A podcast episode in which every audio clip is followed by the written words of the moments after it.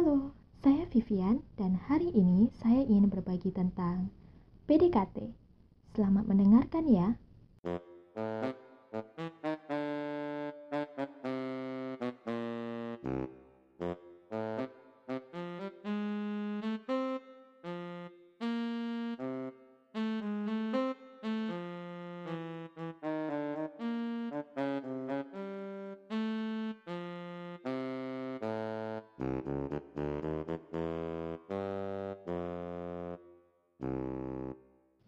Siapa sih yang gak pernah PDKT? Saya yakin semua orang pasti pernah PDKT. Biasanya PDKT lebih lumrah dikaitkan dengan gebetan. Tapi hari ini saya ingin berbagi tentang hmm, PDKT dengan sahabat. Makanya cerita ini spesial banget. Ceritanya begini. Sampai saat ini, saya punya satu-satunya sahabat cowok. Kami sekelas sejak 2 SMP hingga 3 SMA, 5 tahun berturut-turut. Melakukan PDKT dengannya tak mudah. Selama bertahun-tahun sekelas, kita hanya pernah bertegur sapa dengan senyuman dan sepatah dua patah kata saja. Hahaha, dia orangnya pemalu dan cuek abis, dan saya si penakut yang cengeng.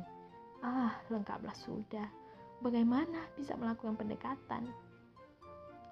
Parahnya, sewaktu SMA kelas 1, saya ditunjuk sebagai orang yang paling pintar matematika di kelas oleh guru matematika. Padahal saya cuma aktif dan belajar keras. Aslinya dia yang jago banget matematika. Bayangkan betapa sakit hatinya dia pada saat itu. Huh, karena hal itu saya semakin takut melakukan PDKT dengannya. Tapi entah bagaimana ceritanya, kami mulai akrab sejak itu. Oh iya, itu karena mama saya ternyata mengenal mamanya. Saat itu saya dan mama pergi makan di acara ulang tahun Vihara. Ketemu deh dengan dia dan mamanya. Ketika mama pergi berkunjung ke rumah mamanya, pasti akan mengajak saya. Mulai sejak itu, dia menjadi teman pulang sehabis sekolah.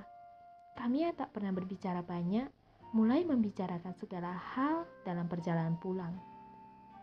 Benar kata orang, waktu bisa mengubah segalanya.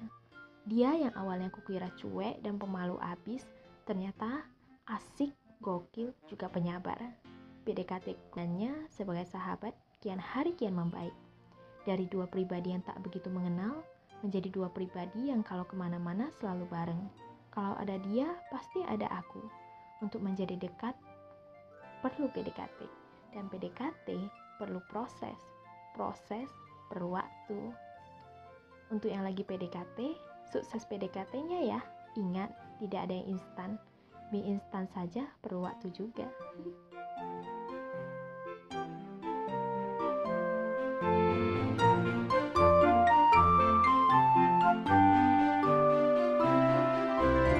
Terima kasih sudah mendengarkan suara semut hari ini. Dengerin lagi ya besok, karena semua orang bisa membuat podcast dan semua podcaster butuh komunitas.